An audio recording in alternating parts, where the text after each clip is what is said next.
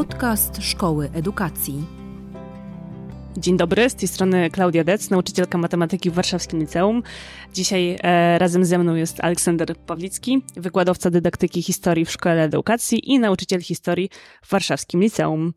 Autor programów szkolnych i podręczników, był dyrektorem, nauczycielem, rodzicem.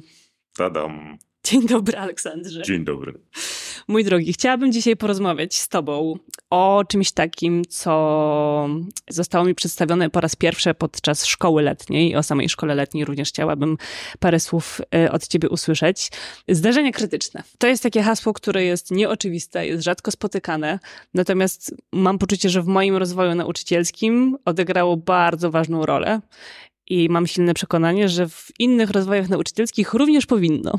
To znaczy, z tego już widzę, że ja podam krótką definicję, a potem przeprowadzę z tobą wywiad o tym. To byłoby chyba najsensowniejsze.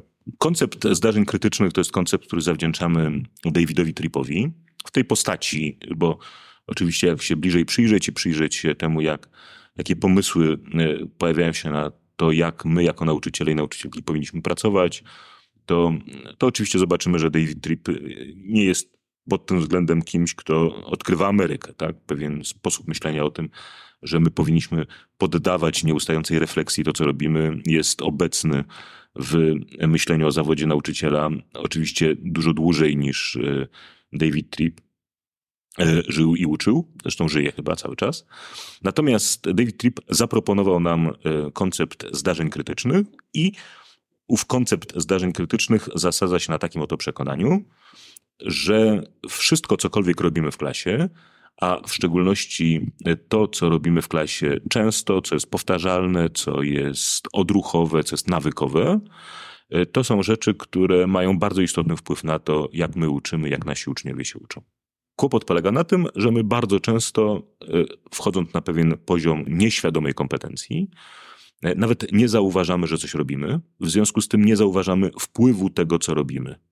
To mogą być rzeczy związane z naszym warsztatem, ale to mogą być też rzeczy związane na przykład z kulturą szkoły albo z naszym wyobrażeniem o tym, jak wygląda lekcja, e, co się dzieje na początku, a co się dzieje na końcu i tak dalej, i tak dalej. I to, do czego namawia nas David Tripp, to to, żebyśmy zatrzymali się przez chwilkę nad tą olbrzymią ilością rozmaitych automatyzmów, których źródłem są nasze nawyki, kultura szkoły, tradycja szkolna, i tak dalej, i tak dalej, i żebyśmy zatrzymywali się nad tymi automatyzmami i przekształcali je w zdarzenia krytyczne. To znaczy e, zastanawiali się nad tym, mm, co ten automatyzm robi mi, co ten automatyzm robi moim uczniom, co dana sytuacja mówi mi o tym, jak ja myślę o szkole, jak moi uczniowie myślą o uczeniu się i tak dalej, i tak dalej. Kiedy mówisz o tej automatyzacji zachowań, masz na myśli heurystyki kanemanowskie, czy coś innego? Myślę, że nie tylko. To nie jest tak, że, że to dotyczy wyłącznie tego, że my chodzimy na skróty w naszym poznawaniu świata, ale oczywiście elementem tego, jak sądzę, jest także i to, tak? To znaczy, że my, e, powiedziałbym tak, zdarzenia krytyczne są przestawieniem nas, znowu mówiąc językiem Kahnemana, na to myślenie e, wolniejsze. Tak? Innymi słowy, to, co mielibyśmy tendencję interpretować bardzo szybko, gdzieś y, e, niemalże podświadomie, prawda, uznawać, że coś jest czymś, tak, i jedziemy dalej. Trip nas zachęca do tego, żebyśmy się zatrzymali. Ja położyłem nacisk y, w tej definicji na automatyzmy, ale Trip oczywiście uważa, że wszystko, cokolwiek nam się dzieje w klasie, możemy przekształcić w zdarzenie krytyczne. Innymi słowy, jeżeli coś się zdarza wyjątkowego w klasie, to też możemy to przekształcić w zdarzenie krytyczne. Innymi słowy, każde zdarzenie, na którym się zatrzymujemy i nie ulegamy pokusie, żeby je szybko zinterpretować, tylko żeby je interpretować szerzej, próbując zrozumieć, co się za nim kryje, jakie nasze przeświadczenia dotyczące uczenia się, jakie nasze nawyki, jakie nasze wstępne założenia, jakie nasze przesądy, e, jakie nasze teorie które niekiedy mają charakter naukowy, a niekiedy są po prostu takimi teoriami naiwnymi i tak dalej, i tak dalej, że każde takie zatrzymanie się i powolne przekształcenie zdarzenia w coś, co znaczy, a raczej coś, co mówi nam coś, oddawanie głosu temu doświadczeniu, temu zdarzeniu jest przekształcaniem rzeczy w zdarzenie krytyczne. I Oczywiście łatwiej nam przekształcić w zdarzenie krytyczne zdarzenie krytyczne, jeżeli uczniowie pobiją się na lekcji, to łatwiej mi zadać sobie pytanie, co tu się zdarzyło. Natomiast jeżeli zadzwoni dzwonek, a ja powiem, zaczynamy lekcję, to wszyscy powiedzą, no i co? No właśnie. Tak? E, co tu się dzieje, że dzwoni dzwonek, a nauczyciel mówi, zaczynamy lekcję? Prawda? Co to jest za historia? Co ona nam mówi o szkole? Co ona nam mówi o tym, czym jest szkoła? Co to mówi naszym uczniom? I takie zdarzenie też należy przekształcać w zdarzenia krytyczne.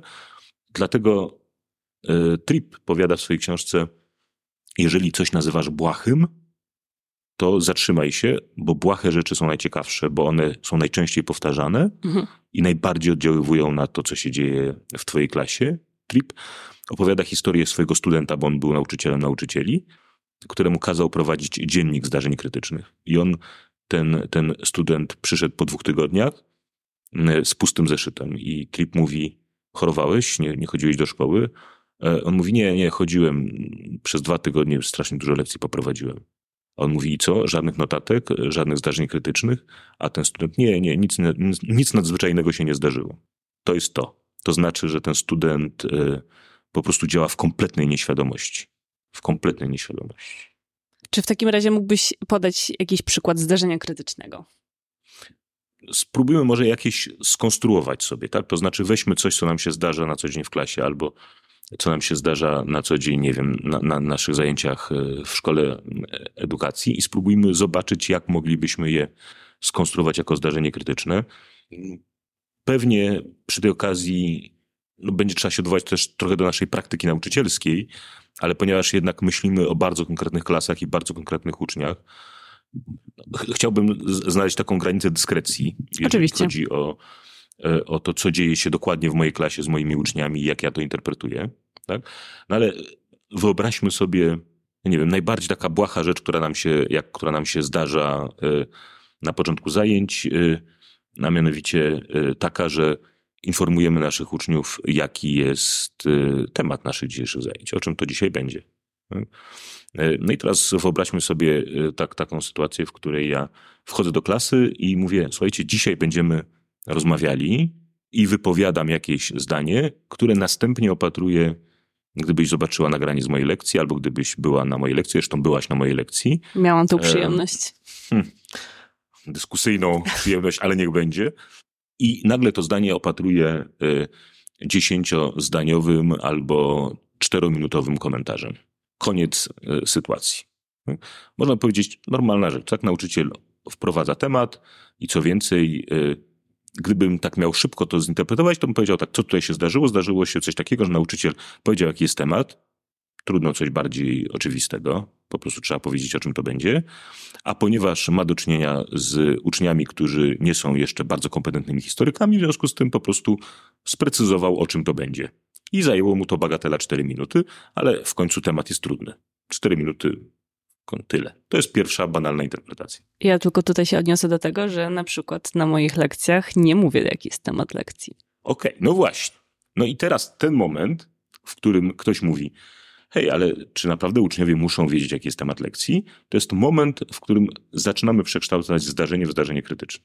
Tak? Czyli na przykład nauczyciel wchodzi, mówi, jaki jest temat i zaczyna przez 4 minuty go precyzować. Możemy to łyknąć i powiedzieć, tak po prostu jest. Musi być temat. Ale nagle pojawia się Klaudia Dec, która mówi tak, hej, ale skąd ten dziwny pomysł, żeby podawać ludziom temat lekcji?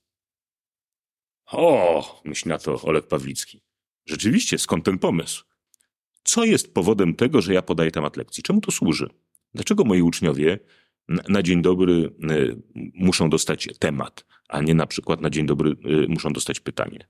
Y, chwilę później ktoś może zapytać tak, a skąd twoje przekonanie, że ten temat wymaga czterominutowego objaśnienia? A ja powiem, no, bo oni nie wiedzą. A, a ktoś powie, chwileczkę, a dlaczego zakładasz, że akurat o tym temacie nic nie wiedzą? Co wiesz o tym, co oni wiedzą, a czego nie wiedzą na temat tego tematu? Co, jak to świadczy o Twoim wyobrażeniu o uczniach? To nie jest to skarżycielskie pytanie, nie? Oczywiście. Jak to świadczy o tym, jak Ty myślisz sobie o swojej roli i o relacji między swoją wiedzą a wiedzą uczniów? Tak? Wstęp, na, na dzień dobry. Tak? Jaka to jest relacja tych wiedzy? A ktoś inny może zapytać, hej, a czy to musi trwać 4 minuty? Temat był trudny, musiałem 4 minuty precyzować. Tak? A ktoś powie, co się dzieje z tymi czterema minutami lekcji, tak? To znaczy, te cztery minuty dla ciebie, czym są dla uczniów? Ilu uczniów tracisz w 30 sekundzie? a ilu w drugiej minucie. A jak sądzisz, ilu dotrwa z tobą do końca czwartej minuty, kiedy wreszcie usatysfakcjonowany skończysz precyzować temat? Hmm? I tak dalej, i tak dalej, prawda? No więc nagle zaczynam to kwestionować. Zobacz, pojawiło się pytanie, ile to, powin, ile to może trwać? Albo ile to powinno trwać? Jakie są twoje wstępne założenia dotyczące wiedzy lub niewiedzy? Dlaczego założyłeś, czy założyłaś, że temat się musi pojawić w takiej, a nie w innej postaci? Co takiego się zdarzyło, że miałeś temat i nagle na początku lekcji doszedłeś do wniosku, że on wymaga sprecyzowania? Jak ja się przygotowałem do lekcji, skoro przyszedłem z tematem, który wymagał czterominutowego precyzowania? Co to mówi o moim stopniu przygotowania do zajęć? I tak dalej, i tak dalej, i tak dalej. Krótko rzecz biorąc, nagle to banalne zdarzenie, które przed chwilą jeszcze interpretowaliśmy w ten sposób. Nauczyciel wszedł, powiedział temat, no i wyjaśnił, no bo trzeba dzieciakom wyjaśnić, prawda? Jedziemy. Dobry człowiek, prawda? Mógł po prostu podać temat.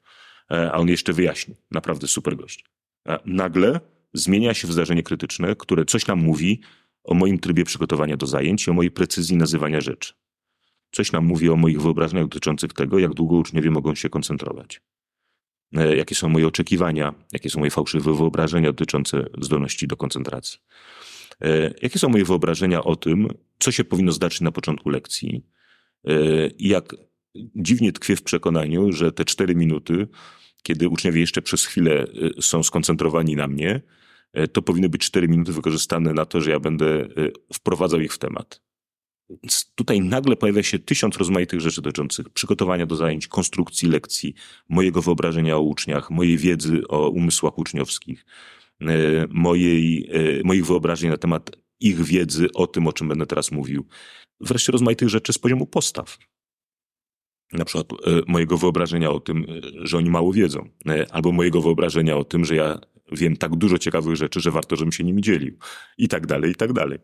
To jest zdarzenie krytyczne. Jasne. I teraz wyobraź sobie, e, że jesteś nauczycielem historii, który ma 23 godziny w tygodniu i 23 razy w tygodniu powtarza ten sam błąd. To znaczy podaje temat, bo z perspektywy tych pytań, które zadaliśmy, już widzimy, że lepiej nie praktykować czegoś takiego, prawda? Tak, tak, zdecydowanie. A robisz to, jeżeli jesteś takim porządnym nauczycielem historii, który daje temat i jeszcze objaśnia, bo jest kochany. Robisz to 23 razy w tygodniu, czyli pomóż mi szybko 92 e, razy w miesiącu, 920 e, razy w ciągu roku szkolnego. A jeżeli nie idziesz na wcześniejszą emeryturę, tak łatwo policzyć. Zatrzymajmy się tutaj, w tej matematycznej karuzeli. Ponad 40 tysięcy razy. Ja chciałabym y, odnieść się do tego właśnie, w jaki sposób ja zaczynam lekcję, bo tak jak wspomniałam, y, nie podaję tematu. Ja zazwyczaj przedstawiam pewien problem rysuję coś na tablicy, pokazuję pewien trudny moment w zadaniu, które ostatnio robiliśmy i staram się y, stworzyć tak, taką matematyczną historię z moimi uczniami. Ja to lubię nazywać matematycznym storytellingiem, kiedy ja ich wciągam w jakąś historię i pokazuję, że to mamy, to mamy, ale czegoś nie mamy, czego nam brakuje. I tutaj na przykład wjeżdża, nie wiem, nowe narzędzie w postaci twierdzenia sinusów albo kosinusów. I wtedy, kiedy ten, to, to sedno lekcji się już pojawi, mówię najczęściej, że to jest temat. Ale nie mam żadnej takiej potrzeby definiowania, że teraz zaczynamy nowy kawałek matematyki. No nie, bo my cały czas jesteśmy w matematyce, jesteśmy w jakimś dziale i obracamy się wokół y, różnych problemów, które próbujemy po prostu ugryźć z przeróżnych stron. Tak, no to myślę, że to, co mówisz, Możemy oczywiście przekształcić to teraz w zdarzenie krytyczne, prawda? Ale i być może to byłby dobry także przykład, dlatego że analiza tego być może nastrajałaby nas bardziej optymistycznie i bo to wcale nie jest tak, że jak przekształcimy jakieś zdarzenie w zdarzenie krytyczne, to efektem jest potem zarzucić to i zmienić, tak? Możemy na przykład dostrzec, że to, co to zdarzenie nam mówi o naszym warsztacie, o naszym wyobrażeniu no, na temat dydaktyki i tak dalej, jest bardzo fajne i że w zasadzie możemy to tylko wzmacniać, prawda? W tym, co ty mówisz, y, na początku od razu bardzo na przykład mnie uderza taki kawałek, mm, że pozwalasz uczniom w jakimś stopniu wykonać tę pracę myślową, którą ja w tym moim wprowadzeniu im zabieram, tak? Bo ty dajesz im przykład, który wspólnie analizujecie i gdzieś na końcu, czy to oni, czy to ty, nazywacie to, to coś, co właśnie oglądaliście mhm. E, i mówicie, to jest temat. Tak? E, ten moment odkrycia tematu, kiedy spotkaliśmy się z łamigłówką, jest czymś, co po prostu, jak sądzę, bardzo wkręca. Natomiast to, co zrobiliśmy na moim przykładzie, mm, to jest sytuacja, w której nauczyciel wchodzi z gotową odpowiedzią. To znaczy, dzisiaj powiem wam, bo ja już wiem, jakie są przyczyny rewolucji francuskiej. Hmm? Um, I teraz mogę to próbować zmieniać, tak? Y, jeżeli uświadomię sobie, na czym polega kłopot. Tak naprawdę, kiedy ja robię wprowadzenie, to bardzo często wykonuję y, w, publicznie tę pracę, którą powinienem wykonać w domu. To znaczy, głośno myślę, y, o czym dzisiaj będziemy mówili. Tak? Ale ja to powinienem, sądzę, że ty zrobiłaś tę pracę w domu i na końcu tej pracy postawiasz sobie pytanie, od jakiego przykładu zacznę. Natomiast ja wchodzę do klasy na przykład, w moim przykładzie, i wykonuję tę czterominutową pracę na oczach moich uczniów, tracąc ich czas. Bo na końcu pojawia się być może ciekawy przykład. Ale po cholerę było te cztery minuty. Hmm. Ja pamiętam inny przykład, który pojawił się podczas e, szkoły letniej.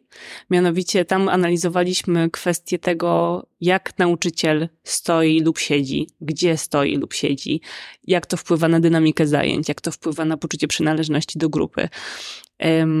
I pamiętam, że dla mnie to wtedy było naprawdę niesamowicie otwierające na taką samoświadomość nauczycielską, że właśnie wszystko, nawet te błahe rzeczy, które się dzieją w trakcie lekcji, mają wpływ na to, jak wygląda proces nauki moich uczniów.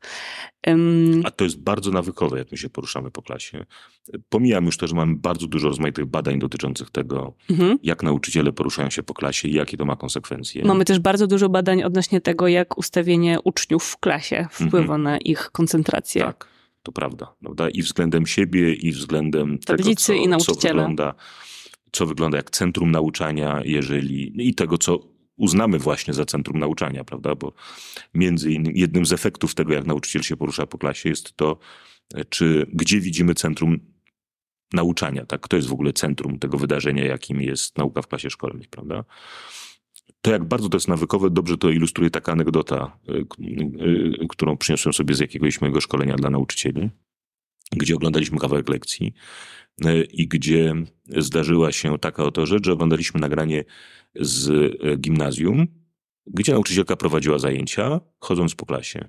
I potem nauczycielki swobodnie się dzieliły pierwszymi takimi wrażeniami i dwie odniosły się do ruchu tej nauczycielki, e, ale w uderzająco różny sposób. Jedna z nich mianowicie powiedziała, e, Boże, nie mogłam się w ogóle skupić w klasie, w której ktoś bez przerwy tak biega.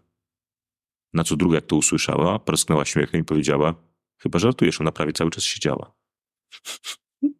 I to było zadziwiające, dlatego że przed chwilą, dosłownie pięć minut temu, te dwie nauczycielki zobaczyły dokładnie ten sam film.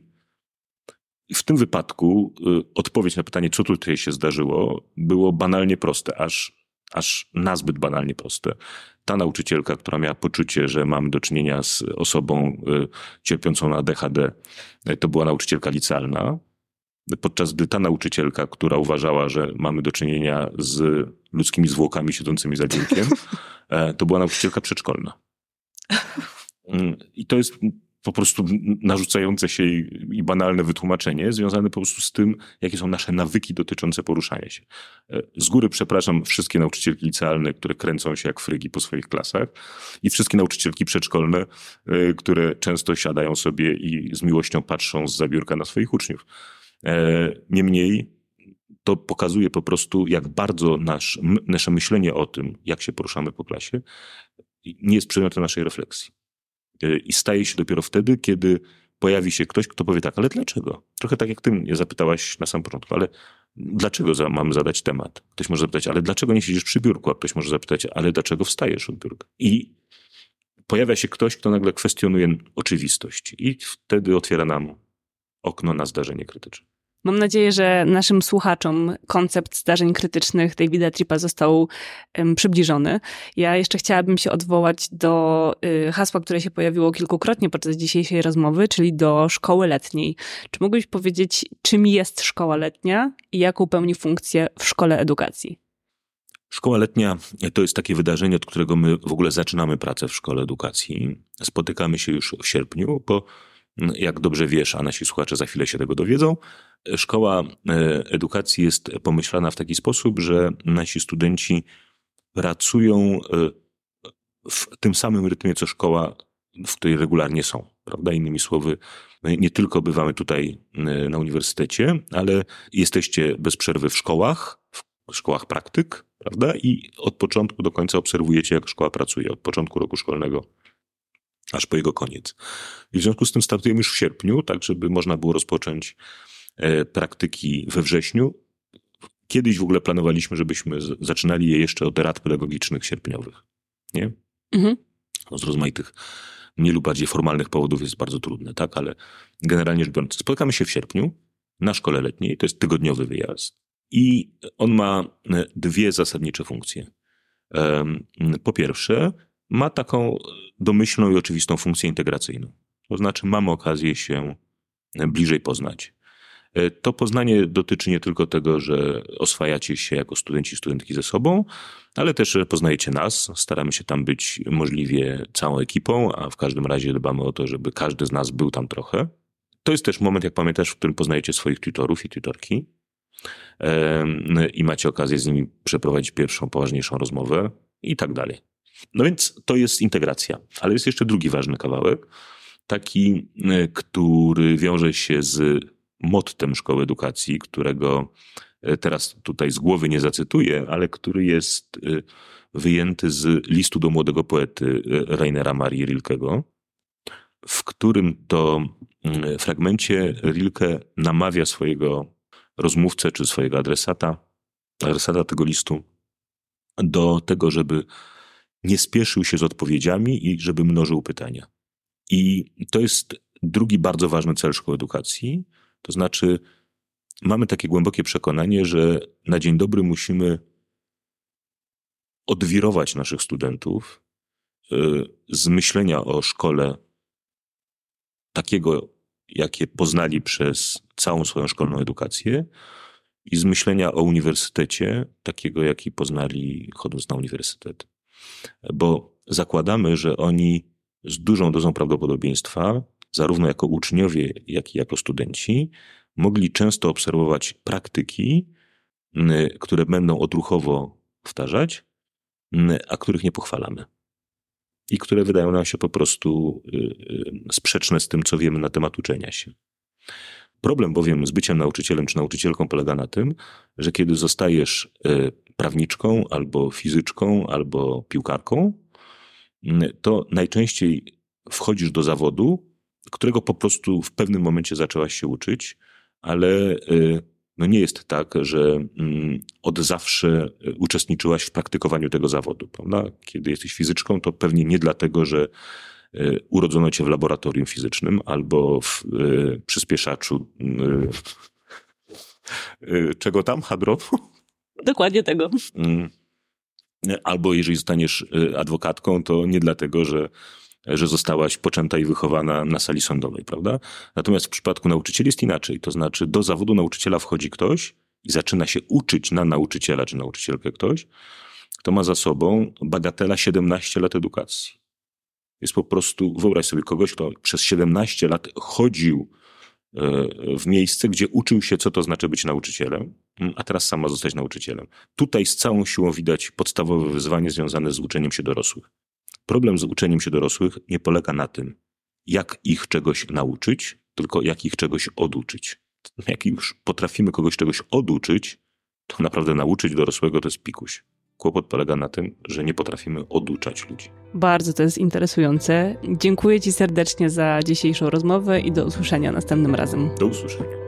Dziękujemy za wysłuchanie podcastu Szkoły Edukacji Polsko-Amerykańskiej Fundacji Wolności i Uniwersytetu Warszawskiego. Już niebawem ukaże się kolejny odcinek, w którym Klaudia Dec, nauczycielka matematyki w Warszawskim Liceum oraz absolwentka Szkoły Edukacji, będzie rozmawiać ze swoimi gośćmi. Tymczasem zapraszamy do Podcasterixa, podcastu prowadzonego przez wykładowców dydaktyki historii Szkoły Edukacji. Do usłyszenia.